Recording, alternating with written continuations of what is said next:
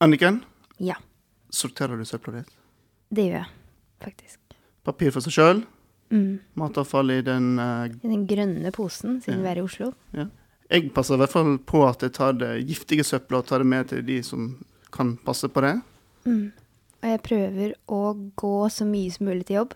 Ja. Jeg tok ut sykkelen så fort det var mulig, for å la bilen stå. Så har jeg faktisk kuttet ned ganske grådig på kjøttforbruket mitt. Ah, har du det- Halvard? Tenke på det, prøve. Men det er den derre samvittigheten som eh, Ja. ligger over oss. Mm. Den Gjør det. Skal, skal vi, kan vi kalle det en grønn samvittighet? Altså, vi lever i en verden der vi blir påminnet hver bidige dag om at uh, vi har et miljøproblem. Mm. Og hva skal vi gjøre med det? Viten og snakkis. snakkis. Pod -pod Podkast fra Joa. Viten og snakkis. I dag har vi med oss en forsker fra Forbrukerinstituttet SIFO. Gunnar, velkommen skal du være. Takk, takk. Du og dine kollegaer har sett mer på dette med forbrukerperspektiv i den store miljødebatten. Uh, og dere har nettopp kommet ut med en bok som heter 'Forbruk og det grønne skiftet'. Og da lurer jeg aller først på dette det grønne skiftet. Det er jo blitt et motord, og til og med kåra til årets ord, eller begrep. Hva legger du i det begrepet? Ja, eh, vi eh, har kanskje en litt breiere definisjon av eh, begrepet 'det grønne skiftet' enn det det opprinnelig kom inn i det norske vokabularet. Opprinnelig så har det blitt brukt til å forklare en overgang fra et samfunn basert på olje og bensin, for å si det eh, kort, eh, til et, eh, et samfunn hvor vi baserer vår transport, produksjon osv. på fornybare ressurser, sånn som vind og solkraft, og ikke minst ressurser fra, fra skog og landbruk osv. Men vi mener at det har vært et altfor sterkt fokus på det med teknologi, og hvordan teknologien kan bringe oss videre. Og vi glemmer veldig fort eh, at det faktisk er All produksjon har forbruk som formål, og at det er egentlig hvordan vi får organisere forbruket vårt som vil ha betydning for hvordan dette grønne skiftet skal skje. Mm. Altså, det jeg opplever, er at mange politikere kanskje snakker om det grønne skiftet som løsningen her. Men det er kanskje ikke Løsningen ligger kanskje ikke i selve skiftet? Uh, jo, skiftet er uh, viktig. Eh, for vi må nødt til å komme ifra, fra en sånn eh, situasjon hvor vi er nå, hvor vi er helt avhengig av disse ikke-fornybare ressursene, og, som, og ikke minst den eh, ressursforbruken som er knytta til hele økonomien, hvordan samfunnet er organisert. Vi er nødt til å komme over fra den måten å organisere samfunnet på og de ressursene vi bruker nå, til helt nye måter å organisere samfunnet på. Så skiftet i seg selv er veldig viktig, men det er måten det skiftet skjer på, og hvordan vi ser på det, som vi tror er viktig å sette et nytt fokus på. Da. Ja, for I boka så skiller dere mellom det å være teknologioptimist i motsetning til ansvarsbevisst. Eh, Kan du fortelle litt om de forskjellige typene? Ja, ehm, vi bruker det også på to måter. En måte å, å karakterisere oss som eh, kanskje forbrukere, oss som mennesker på. Hvordan vi ser på, på, på livet og hvordan vi ser på, på miljøutfordringene. Um, og vi bruker det også på politikken og den diskusjonen som foregår rundt, som vi har vært inne på nå om det grønne skiftet. Eh, når vi går på det politiske og overordna nivå, så er det jo en sånn eh, i samfunnet generelt en veldig sånn stor tro på at det er teknologien som skal løse altså Månelandinga til Stoltenberg er eh, kanskje det kroneksempelet på hvordan politikerne virkelig hadde stor tro på at dette her kan vi bare Dette er et teknologisk fiks som lar seg løse. Ja. Eh, og, og de holdningene speiles kanskje også i stor grad igjen i, hos oss forbrukere. Eh, Men så er det også mange av oss som, som dere var inne på i begynnelsen, eh, vi ønsker jo også, eller nesten alle av oss, ønsker jo å bidra sjøl. Og, og vi gjør så godt vi kan med å kildesortere osv. Og, og så gir oss kanskje, for mange gir oss kanskje bare mer dårlig samvittighet enn en, en, en god følelse å tenke på det hele tida. Ja. Uh, men, men eh, det er det vi legger i det med den mer miljøbevisste, ansvarsbevisste delen av oss. Og den andre delen av oss som kanskje tenker at det er litt deilig å slippe. Altså, det løser seg sikkert på en eller annen måte uansett. Men er det mulig å være begge deler? Altså både teknologioptimist og Ja, vi, ansvarsbiten? ja, vi argumenterer jo for det i boka, vi at eh, vi må tenke, eh, tenke på begge deler. men uh, grunnen til at vi syns det har vært viktig å komme ut med boka, er jo fordi at vi mener at den ene delen er mest, uh, har vært uh, litt for kanskje sterkt fokusert. Da. Mm. Men vil du si da at de som er, er hva skal jeg si, 100 teknologioptimister, lurer seg sjøl? Ja, altså Det kan i hvert fall føre til at vi, vi fortsetter kanskje i det samme sporet som vi har gjort. Uh, og det mm. bidrar kanskje ikke til å tenke på potensielle problematiske sider ved, ved, å bare tenke på teknologi. Og det gjør det kanskje vanskeligere å, også for politikerne å foreslå nye, andre typer løsninger enn en de som, vi, som, allerede vi ser er i funksjon. Da. Mm. Hvem er den gjengse teknologioptimist, egentlig? Uh, sånn, uh, hvis jeg skal synse litt rundt og det vi vet tradisjonelt, er vel at det er uh, menn som kanskje har mer tro på teknologien enn en, kvinner gjør. Mm -hmm. Men jeg skal være forsiktig med å, å, gå for mye inn på det.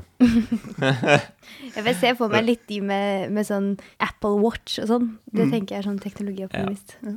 En kan jo lett gå ut og kjøpe seg en Tesla. Mm. Og kjenne på stoltheten av å ha noe en fantastisk bil, og at den har gjort sin innsats for å spare miljøet. Ja. Men har den det? Egentlig? Jeg, jeg syns ikke man skal ha dårlig samvittighet for det om du har kjøpt deg en elbil. Eller en Tesla, for den saks skyld. Eh, og der er igjen eh, det dilemmaet som vi forbrukere eh, kommer opp i hele tida, og som kanskje bidrar til den dårlige samvittigheten som vi hele tida får når vi snakker om miljøet. da og det er at, at uh, kanskje den uh, mediediskursen og det som foregår ute i det offentlige, ofte problematiserer det mer enn kanskje å leite etter de gode løsningene. Mm. Mm. Altså Hele tida når uh, det kommer opp et tiltak, så, det, så, skal det vris og vrenges på, og man finner at å ja, kanskje elbilen Kanskje den går på forurensende kraft fra Danmark eller enda verre Polen og Tyskland fordi vi er en del av et felles eh, kraftmarked, så er det liksom sånn teoretisk, hypotetisk uh, muligheter for at vi, mm. Vi bruker kraft fra et A som ikke er norsk ren vannkraft og sånn, men sånt kan ikke forbrukeren gå rundt og Vi som forbrukere går rundt og tenker på, da får vi aldri til i hvert fall noe grønt skifte. For det er jo selvfølgelig både oppsider og nedsider ved enhver teknologi. Mm. det store skiftet her går jo ikke mellom elbil eller uh, dieselbil, for så vidt. Klimamessig så gjør det det. Men, uh, men, det store skiftet er å få flere av oss over på kollektivtransport, og kanskje enda mm. bedre sykkel. Det er mange, spesielt de daglige reisene, kan vi faktisk fint uh, løse ved å transportere oss mer manuelt sjøl. Ja. Sunnere også? Og sunnere. En annen ting dere tar opp i boka, er begrepet grønn vekst og redusert forbruk. Og sånn, I utgangspunktet høres det ut som to motstridende ting. Er det, altså, er det vekst versus uh, reduksjon i forbruk? Ja, det er to uh, ganske motsatte uh, syn. Egentlig verdenssyn, på en måte, på hvordan vi, vi organiserer samfunnet vårt. da, Produksjon og forbruket i samfunnet. Men eh, hva er svaret her? Sånn umiddelbart så tenker jeg redusert forbruk er det eneste svaret. Nei, det er ikke det eneste svaret. Men på noen områder så er vi nødt til å redusere det materielle forbruket. Fordi, og det henger da sammen med nettopp den veksten og økonomisk vekst. Av hensyn til økonomisk vekst så har vi tillatt oss å ha et ekstremt høyt materielt forbruk. Ta klær som eksempel. Forbruket i Norge har økt med 70% bare de siste 15-20 årene. Dvs. Si en enorm økning i mengden klær, og, ja. og uh, med de følgene det har for, uh, for uh, ressursforbruk. det er en ekstremt ressurskrevende produksjon, men vi har outsourca hele produksjonen til tredje verden, og vi ser den ikke. Så vi baserer vår, vår velstand og, og, vårt forbruk på en, eh, et ressursforbruk som foregår helt andre steder i verden. Og for å gjøre noe med de utslippene som er der nede, som har globale konsekvenser, så er vi nødt til å det, det løses ikke gjennom teknologi, det løses gjennom at vi faktisk kjøper mindre. Mm. Blir vi liksom litt late og ansvarsløse av en overdreven tro på det teknologiske? Det er litt sånn ansvarsfraskrivelse. Så som du sier med den tredje verden, at vi bare ja ja, men det gjelder ikke meg. Ja, på det, på det, individuelle nivået så syns jeg kanskje ikke Altså, det kan jo bli en sånn sovepute, men jeg tror, jeg tror uh, Vi har jo den der samvittigheten vår som uh, kan være dårlig, men det er jo bra at vi har en samvittighet, og jeg tror de fleste av oss selv om vi har tro på teknologien, har jo den uh, Vi er jo ansvarsbevisste og vil jo så godt vi kan bidra til at ting blir bedre. Ja. Eh, så jeg tenker det er mer på et sånt overordna politisk nivå. Jeg tenker det der er en sovepute. Og politikerne slipper unna med å vise til at de bevilger masse penger til eh, store eh, nye prosjekter. Ja. Men man gjør kanskje ikke noe grunnleggende med, med hvordan uh, Å diskutere hva, er, hva slags sa- framtidssamfunn er det vi ønsker. Ønsker vi å fortsette på en sånn type eh, bare forbruke mer og mer, eller, eller skal vi tenke i andre baner? Så jeg tenker at når det gjelder på det individuelle nivå, så er det, er det igjen altså politikken legger til rette for hvilke valg vi har mulighet til. Vi kan jo ikke ta en buss som ikke går. Så det er hele tida den tilrettelegginga som, som samfunnet gjør for oss, som, gjør, som muliggjør hva vi som enkeltforbrukere egentlig kan gjøre. Ja, ja, for hvilken vei går egentlig det? Eh, Er det at politikerne og myndighetene og liksom samfunnet, det store samfunnet, at de må ta et grønt valg for at vi forbrukere også skal gjøre det? Eller er det litt sånn at vi forbrukere må pushe på politikerne for at det skal skje noe? Uh, ja, begge deler. Eh, jeg tror ikke det skjer noe før vi Ikke som nødvendigvis som forbruker i butikken, for da er det igjen uh, altså, Å stemme med lommeboka har ikke jeg så stor tro på som å stemme ved, ved valg. Altså vi som borgere som bruker den demokratiske retten vi har til å kanskje dytte politikerne politisk. Da. Så engasjere oss og mobilisere, oss, mobilisere for ulike saker er jo selvfølgelig bra. Undersøkelser viser at nordmenn bryr seg mindre og mindre om å vise miljøansvar gjennom eget forbruk, men allikevel så får Miljøpartiet De Grønne såpass stor oppslutning. Eh, Er ikke det et uttrykk for at vi nordmenn faktisk vil at eh, politikere skal ta mer ansvar? Akkurat eh, det siste valget så lyktes jo Miljøpartiet å sette miljøsaken på dagsordenen av sikkert ulike grunner. Og det har vi sett tidligere også, ikke så veldig ofte, men det har vært noen sånne type valg før også hvor miljøspørsmålet har kommet høyt opp. Men ved neste valg, hvor nå ser vi kanskje arbeidsledigheten øker, så er det ikke sikkert at, Nei, at miljøsaken kommer like høyt opp. Så det vi gjør, er at vi ser på de lange trendene. Ja. Og i det lange perspektivet så er det faktisk sånn at vi er blitt mindre og mindre villige til å endre på vårt eget forbruk. Og Ja. vi stoler mer, mer og mer på teknologien, og det mener vi er bekymringsfullt, da. Mm. I det lange løp. Eh, Så får vi se hva som skjer framover. Litt tilbake til det du var inne på. Vi snakker ofte om forbrukermakt eh, der. Altså, det var snakk om for en stund siden om, om palmeolje, bruken av palmeolje. og Så blir forbrukerne godt orientert, og så er det mange som slutter å kjøpe det. Og så sier en at det vil påvirke produsentene til å ta dette her vekk.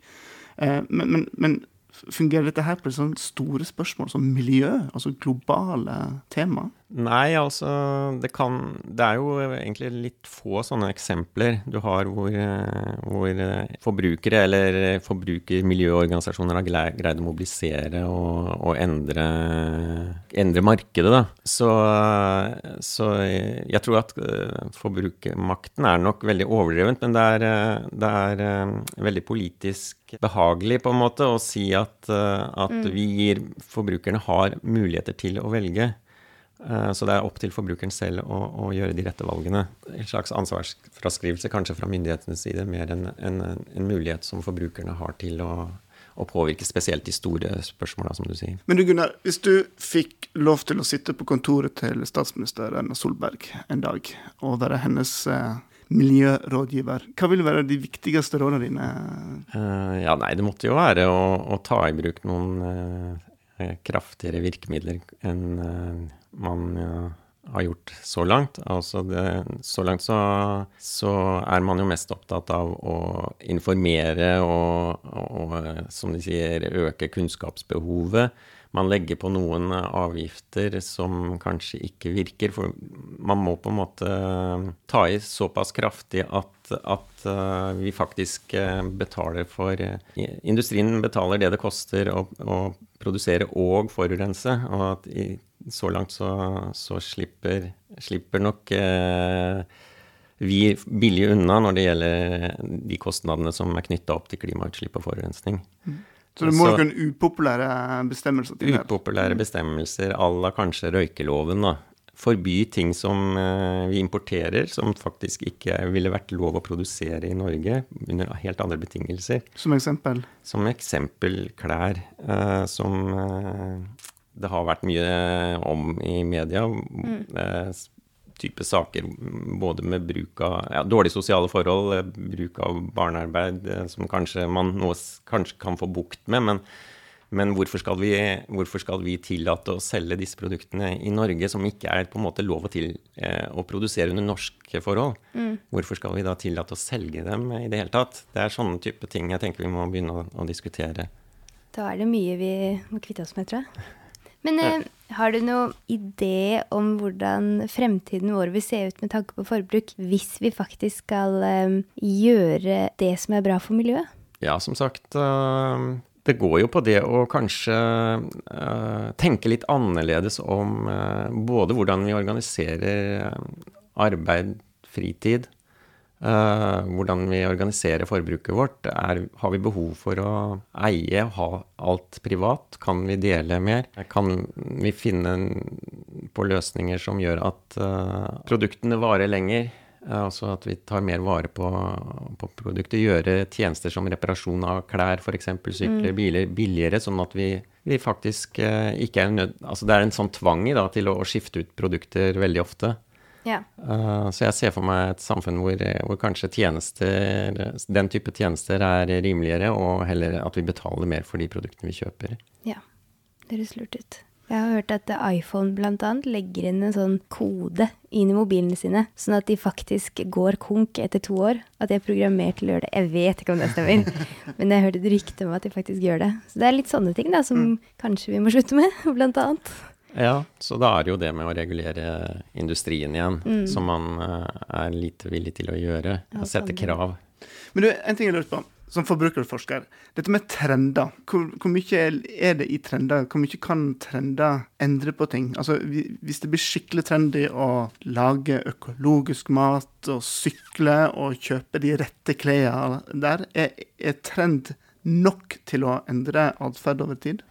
Selve begrepet trend er vel eh, et mer sånn kortvarig, mens eh, hvis vi snakker om vaner og rutiner, så er det disse lange, lange mønstrene, store mønstrene, og det er de på en måte som eh, styrer forbruket i stor grad.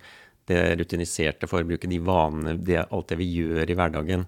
Så en sånn enkel trend er ikke nok i seg selv til å endre forbruksvanene våre.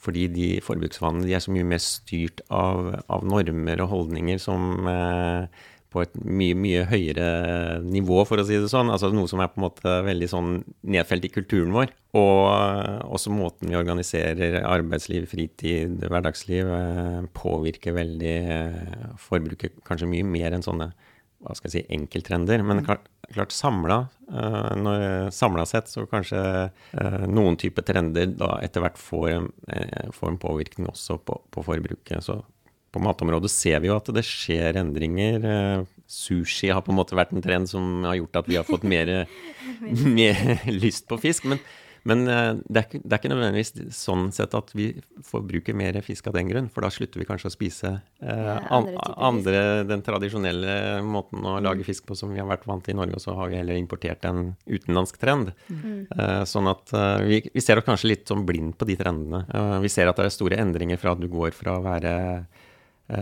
ung og til du eh, etablerer deg med familie. Det er da de store endringene skjer, og da er du Ja. inne i en helt annen eh, da, da, se, da faller man på en måte tilbake til et annet forbruksmønster også. Så Ja. Veldig bra. Gunnar Wittersjø, tusen takk for at du ville komme i studio og snakke om eh, de store spørsmålene, forbruk og det grønne skiftet. Gratulerer med bok. Ja. Eh, jeg håper Takk, takk. mange leser det, kanskje spesielt eh, politikere og maktpersoner der ute. Vi får sende det i posten til dem. ja, flott. Eh, og tusen takk til deg som hørte på podkasten Viten og snakkes. Eh, vi anbefaler selvsagt å gå inn i en podkast-app og trykke knappen som heter abonner, for da får du neste episode automatisk rett ned. Og så kan du også lese mer på blogg.hioa.no slash viten og snakkes, hvis du ønsker det. Og da sier vi takk for i dag. Ha det bra. Ha det bra. Viten og snakkis. snakkis. Pod -pod Podkast fra Joa. Viten og snakkis.